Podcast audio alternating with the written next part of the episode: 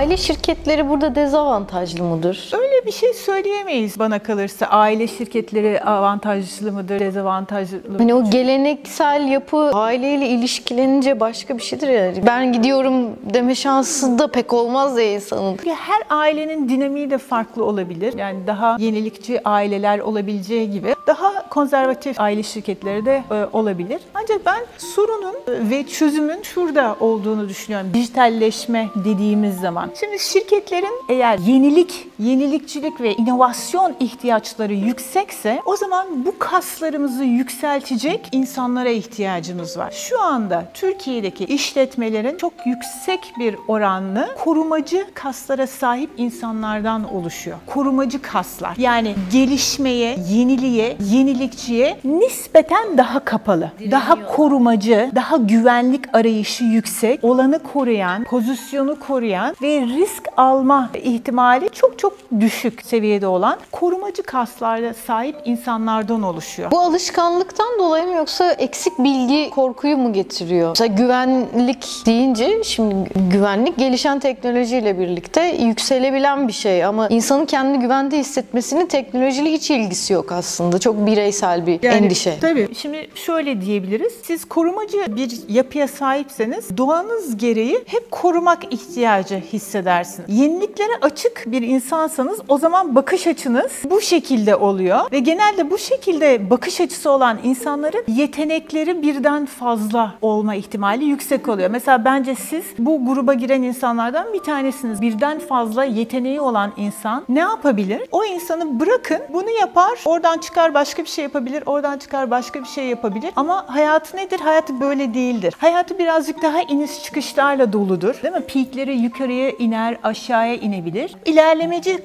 kaslara sahip olan insanların inovasyon ve yenilikçiliklerinin yüksek olması da işte şurada kalma, şu sabitlikte kalma ihtiyaçlarının çok daha düşük olmasından kaynaklanır. O yüzden de bugün baktığımız zaman girişimci ekosistemi içerisindeki şirketlerin yukarıda olduğunu ve hayatımızı büyük kurumlardan daha fazla oranda değiştirebilme potansiyellerinin olduğunu görüyoruz. Öyleyse dijitalleşme sürecinde biz yara bandı çözümler yerine yani teknolojiyi değiştirmek bunun bir parçası. Ancak dijitalleşme içerisinde mental dönüşüm ve kültür değişimini getirmek, eğitim yapmak, design thinking seminerleri yapmakla bir yere gidemezsiniz. Çünkü siz korumacı kaslara sahip insanları o workshoplara koyduğunuz zaman belki %10'luk bir geliştirme sağlayabilirsiniz. Ancak hayatın bu kadar hızlı ilerlediği bir dönemde istediğiniz gelişmeyi ve rekabet avantajını sağlamanız oldukça düşük olacaktır ki zaten öyle oluyor. O kişiye o eğitimi getirmek bile başlı başına bir mesele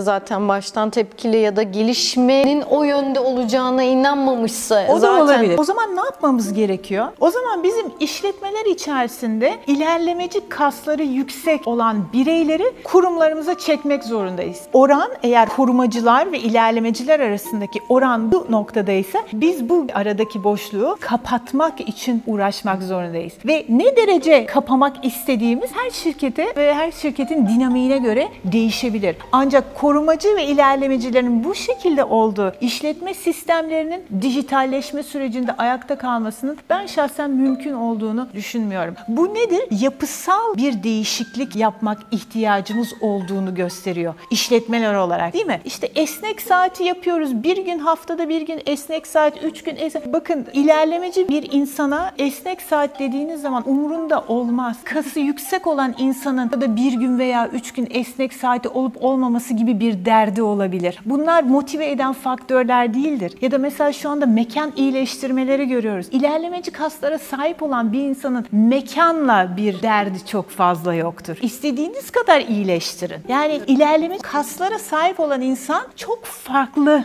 dinamiklerle hareket eder. Dolayısıyla yaptığımız çalışmalar, düzeltmeler dahi güzel, faydalı ancak yetersizdir. Yani hep korumacı yapıda olan insanları motive etmek üzerine ortaya atılmış sistemler.